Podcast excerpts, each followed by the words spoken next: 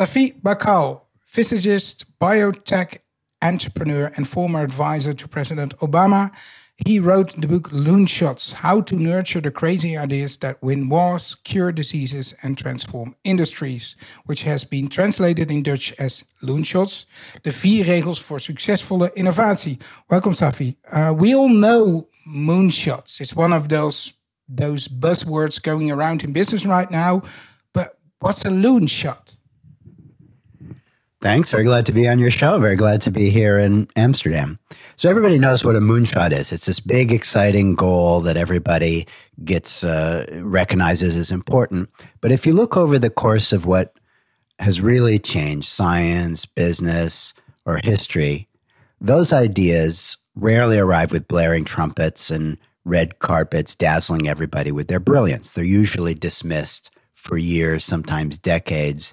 Their champions written off as crazy. And since there wasn't a good word in the English language for that, I made one up.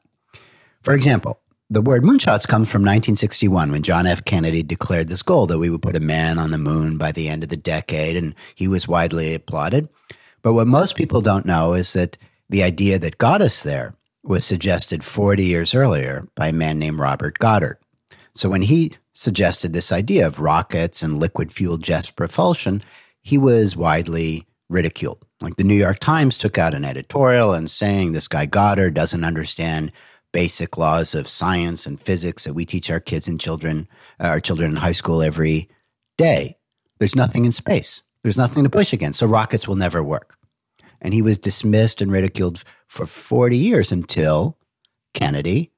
Boom, that's how we got there. And then 14 years after Goddard died, the New York Times issued a retraction the day after the successful Apollo 11 launch to the moon. It said, Apparent, apparently, rocket flight does not violate the laws of 17th century physics, and the Times regrets the error.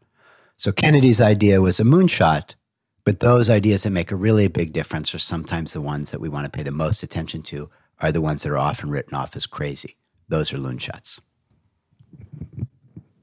uh, it, for me, it, it, was a bit de- uh, depressing to think that a lot of those great ideas there are somewhere w- w- uh, fail to materialize. Um, or do do they always come at one time? They reappear, or uh, you were. I think one of the examples in your book is uh, radar, for example. Uh, or, or, are there some brilliant ideas who we, we will never hear, hear of? Well, that was kind of the motivation for me for writing this book. And when I, uh, you know, part of the motivation was when I, my father got sick with cancer. I, I, at the time, I was in biotechnology. I was running a company focused on creating new drugs. And every, you know, I thought I could do something about it, but I couldn't. And unfortunately, nothing helped and my father died. But over the next few years, as our company grew and we went public, everywhere I looked inside tiny startups or big company were these promising ideas kind of trapped in the basement of those companies. And so that's kind of my main motivation is to do just what you said is to help get those ideas out of the basement and into the real world. Sometimes they stay stuck in the basement forever, but not usually. The goal is if you're the entrepreneur, you're the manager, how do you design your team or your company better?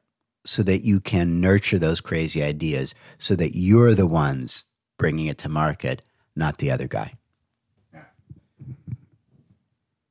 Aren't we getting better in, in those kind of things? If, if we look to the business community nowadays, we see a lot of, there's a lot of talking about innovation. There's a lot of, uh, a, lot, a lot of talk about disruption and, and that stuff.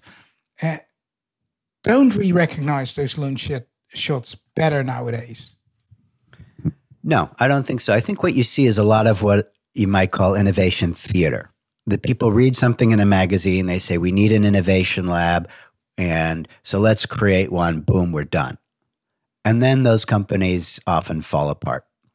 You see a lot of talk about innovation and trying to do it, but they miss kind of the core, which is how do we create an environment where you can do both, where you can focus on you know maximizing your core product, your core franchise, but also balancing the new at the same time. And what people so often miss or get wrong is that those are two almost exactly opposite things. So if you have the same, if you're a manager, you're an entrepreneur, and you say, you're, you know, I'm going to manage my company this way, it's almost going to be certainly wrong for one of those two things. I'll give you an example. The English word risk. It's one word, four letters. You would think it would mean the same to everybody, but it doesn't. If you're, let's say, the soldier in the company focused on on time, on budget, on spec, risk is a bad thing. If you are the artist working on something wild and new and very important, risk is a great thing. You know, you want to try 10 things, nine of which will fail.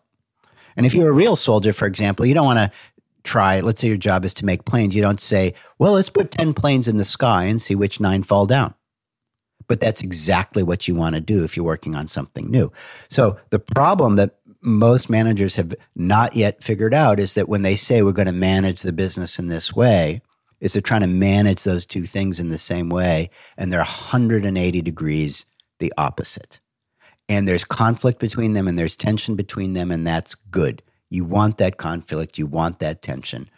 And you need to see your job as a manager and a leader, not as, you know, you're the Moses standing on the top, picking the great loon shots and the holy the project. Your job is to manage the transfer of the technology from these two groups, manage the touch and balance between these two groups, manage the transfer, not the technology. And that's because the failure point of innovation is almost never in the supply of new ideas. You put 10 people in a room with stacks of post its for an hour and you get a thousand ideas. The failure point inside most companies in innovation is in the transfer. You get those ideas, you bring them to the soldiers, the soldiers shoot those down. Or maybe they take it out to the market and they try to get a little bit of feedback and they're like, it doesn't work with their customers, so screw it. They're busy selling and making sales calls and trying to maximize their you know, commissions. And so those early stage projects dies. It doesn't matter how much the CEO talks about, oh, culture, culture, you know, let's everybody sing kumbaya and work together. You have to understand why these two groups have different things they care about. And then you have to help bridge those two groups. And that's where most companies struggle today is understanding that you have these two things inside the company that are doing exactly opposite jobs. And how do you manage that? And so that's what people need to learn how to do better how do you, as a manager, recognize which ideas from the artist you call them? Huh? You have yeah. the soldiers, the, the, people doing the daily business, and, and the innovation teams in, in companies probably. How do you recognize which loon shots, which ideas are good to be transferred? How do you decide on that? Because you don't, you, you're not allowed to be like a Moses and decide. And how do you do that? Well, that is another place where many companies go wrong because they they when the leadership sees their job as the ones who will pick the technology, it it ends up being bad on many levels. Not only because nobody's perfect at seeing the future, but also because you demotivate the folks. Let's say there's ten people working on ten wild new projects, and you from the top pick one of them. Well, the other nine people are pretty demotivated. And you know what? If they're all early stage projects, they're little seeds you don't know what kind of flower they're going to grow up to be. So your job is to kind of nurture all 10 of them and make sure you have tests in place. Make sure you have a way every few weeks or every six weeks or every three months to you keep watering those things and keep to make sure that there are reasonable tests and you can bring it out into the field and see if it's growing or not. If it's not growing, what are the problems? Is it a complete failure and you should terminate it? Or is there a hypothesis about what's wrong and you should keep it going. So your job is to keep that cycle of make sure there's water for those little seeds, make sure they have tests at the sort of six week or three month or six month level, make sure they get tested fairly, and then evaluate if it's a true fail or a false fail when it fails. The biggest hero in your book isn't isn't somebody who who uh, who thinks of loon shots. It was a guy named, uh, named Vannevar Bush. Uh, we don't know him in, in Europe at all, but uh, could you could you say who is he and what what what makes him important? What makes him an example uh, for, for a lot of CEOs, maybe? So he's an example of somebody who, even though he was an innovative genius, he was a entrep- he was an engineer who came up with the first analog computer, came up with many inventions. When he got to the top, he didn't lead by saying, You must do my technologies. He led by creating an excellent group of engineers and nurturing their early stage ideas and then managing the transfer to the field. So, what was the context? The context was World War II. And in 1939, at the start of that war, had you been a betting person, you would have bet on Nazi Germany to win that war. Why? Because they were so far ahead in science and technology that would actually prove crucial that the Allies had absolutely no answer. For example, the U boats, the submarines, looked ready to strangle the Atlantic, which they did. The German Luftwaffe, the Air Force, outclassed anything that the Allies had and looked ready to bomb Western Europe into submission, which it did.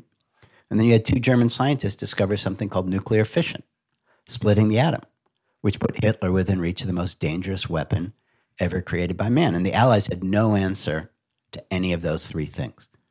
So in comes a guy named Vannevar Bush, who was dean of engineering at MIT, and he quits his job, moves to Washington, goes to President Franklin Roosevelt. He says, There's a war coming.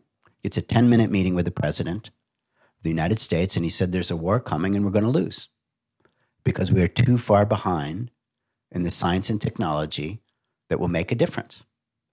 And he hands FDR a single sheet of paper with three bullets in the middle, and he says, I would like you to authorize a new group inside the federal government that will report only to me, and I will report only to you, and I will mobilize the nation's scientists for war. And that's exactly what he did. He understood that the artists, the scientists, the, those who are working on the new needs some a completely different environment. They need to fail a ton.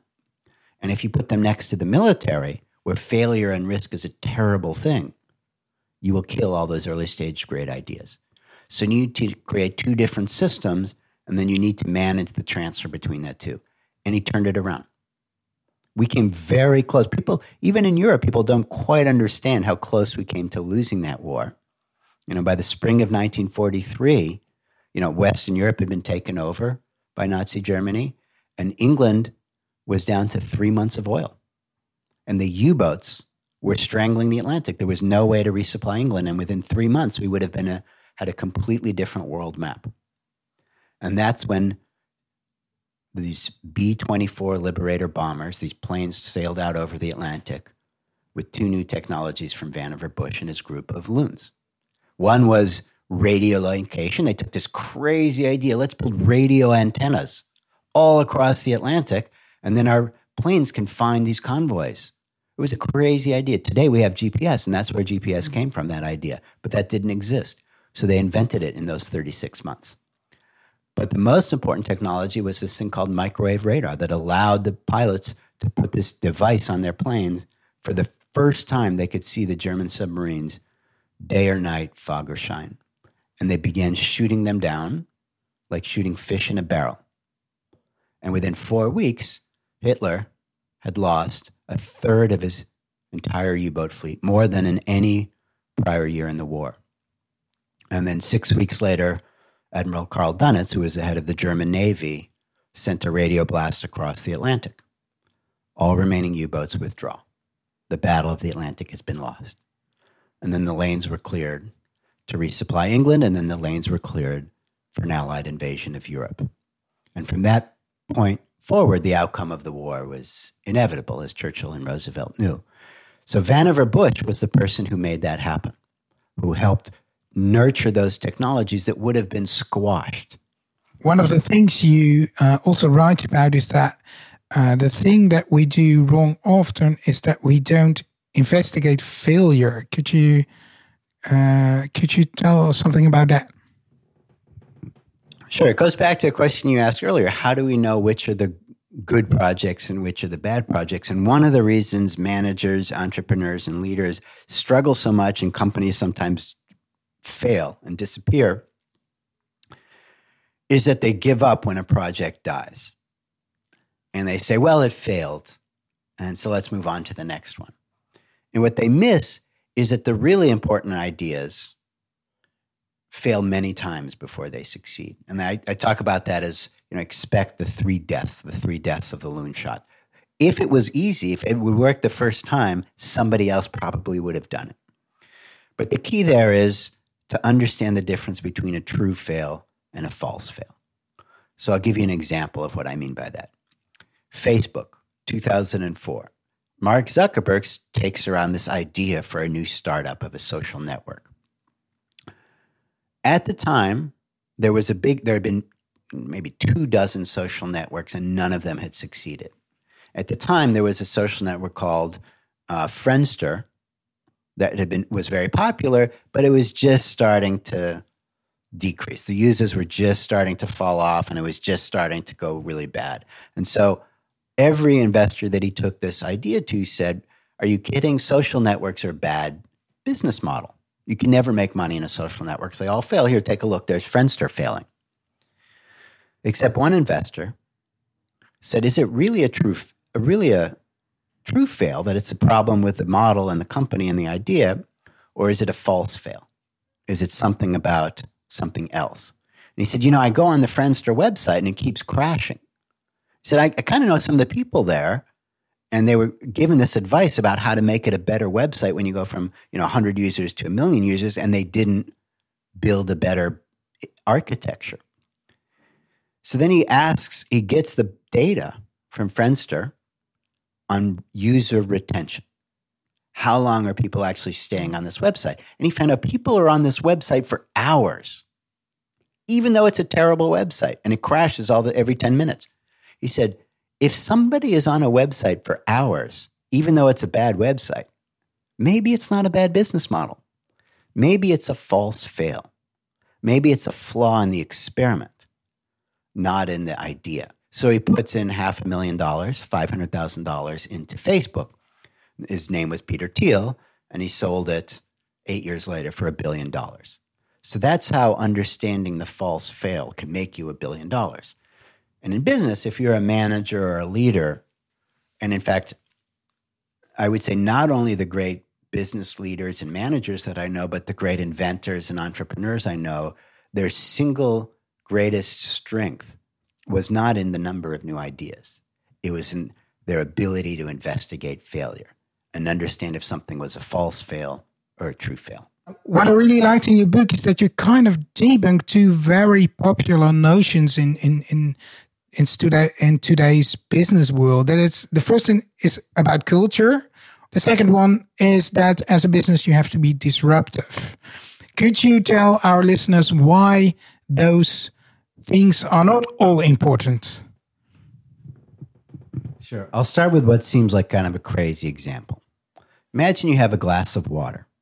Stick your finger in, you can swirl it around, right? The molecules in that glass of water just slosh around your finger. Then, when you lower the temperature, all of a sudden at zero Celsius, as you go from plus one to minus one Celsius, you can't stick your finger in anymore. It freezes, it becomes totally rigid the behavior of those molecules completely changed. Why? They're exactly the same molecule. So, how did they know to suddenly change behavior? There's no CEO molecule saying, oh, it's 33 Fahrenheit or, you know, one degree. Excuse me. There's no CEO molecule saying, oh, it's one degree Celsius, everybody slosh around. Oh, it's minus one, everybody line up. They just do it. You can think of culture as those patterns of behavior that you see on the surface.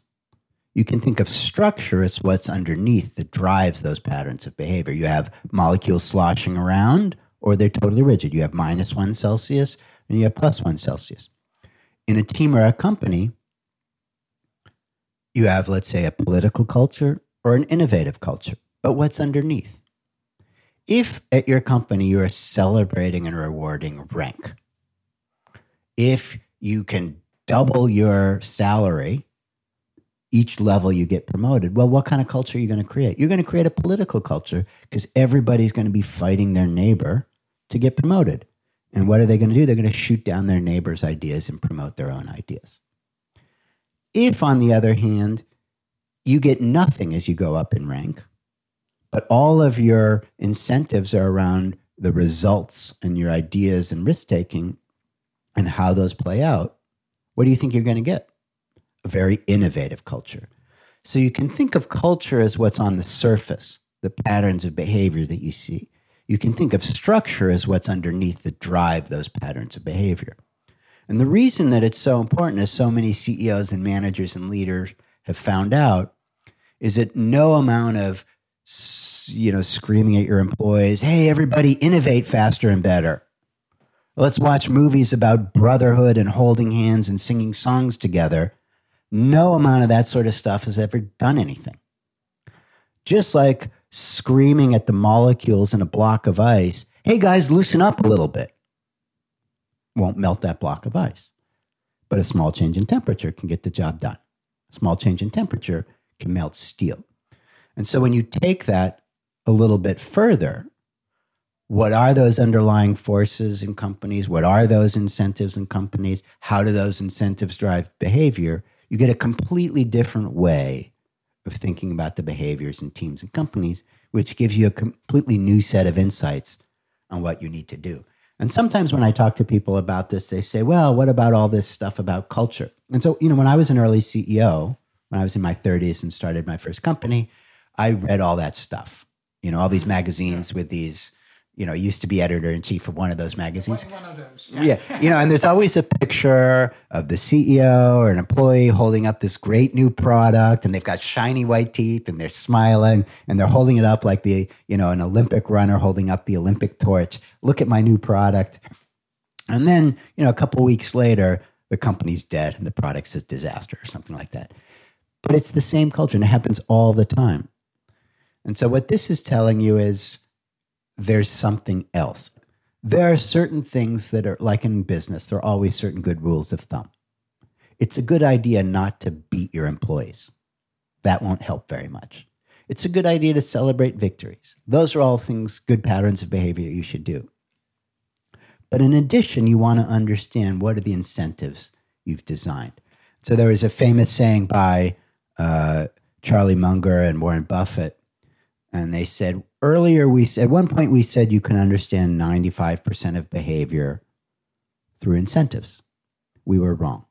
The true figure is closer to 99%. So the structure, the design, the incentives you put in place matter a lot. And there's so much stuff written about culture. I actually can't even read any of that stuff anymore because it all sort of sounds the same. So what's different and new here is how structure can drive culture, can matter more than culture. And this is why it gives you a fresh way, gives you some new ideas, some new rules you can use as you manage your teams and your companies.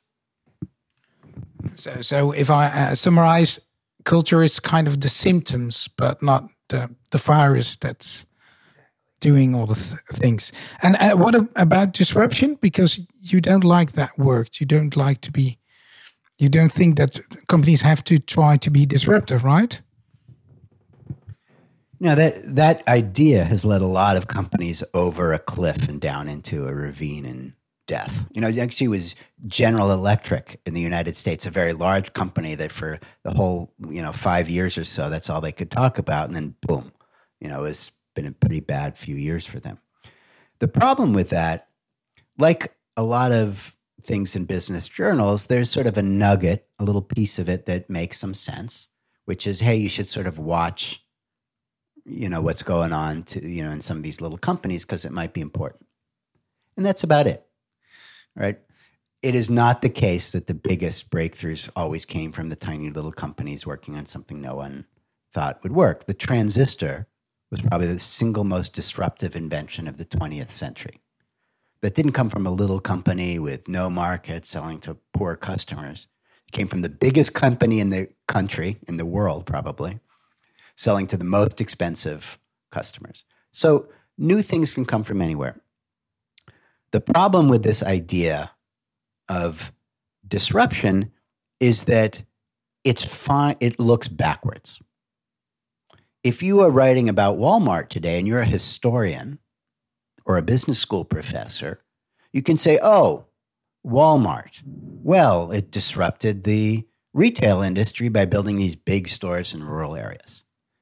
But if you wind the tape and you are Sam Walton, You're a 30 something year old kid. And is that what you were thinking? Let me disrupt the retail industry? Of course not. No entrepreneur actually, who's actually made anything big is really thinking about let me analyze the five forces of the industry dynamics and do no. Sam walton wanted to start a retail store in st louis but his wife didn't like big cities so he said you can only live in a city with less than 10000 people.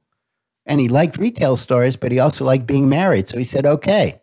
He also liked hunting and so he put it in bentonville arkansas because it's you know, near four states with four different quail hunting seasons.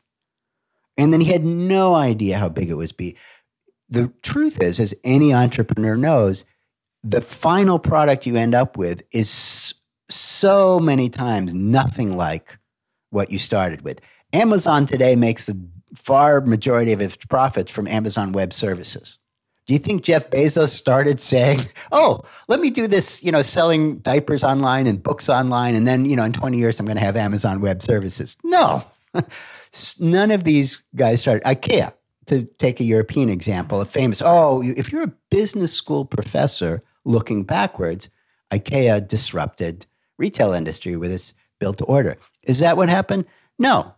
You had this young furniture guy who was selling mail order stuff and he wanted to open a store and he was starting to get some good traction. So the furniture stores said, no way, we're not letting you show in our showrooms. So he was stuck. So he just had to figure out some showroom then they then they was doing well and so they said well you can't use any of our suppliers. So he said oh no i'm going to go out of business. So then he found some suppliers in russia and eastern europe and poland that got him half the cost.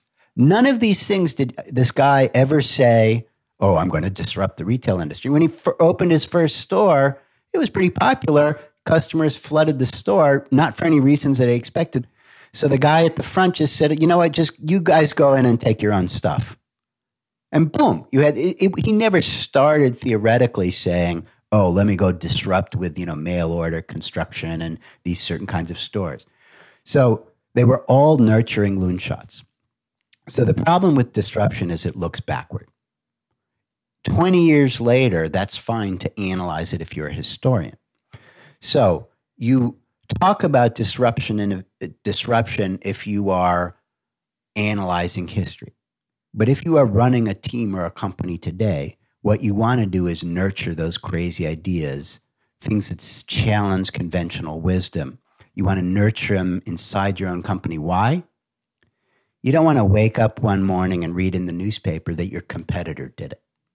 The last question uh, after writing this book, I, I assume a lot of people came to you telling about their loon shots or about their findings or uh, but did you discover any new stories about real loon shots after publishing the book?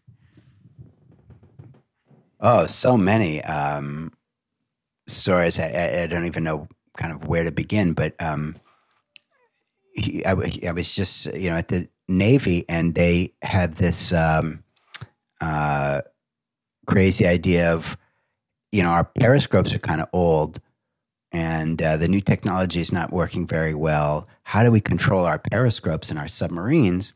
And someone came up with a crazy idea. Well, what about an Xbox controller from those little games that you use?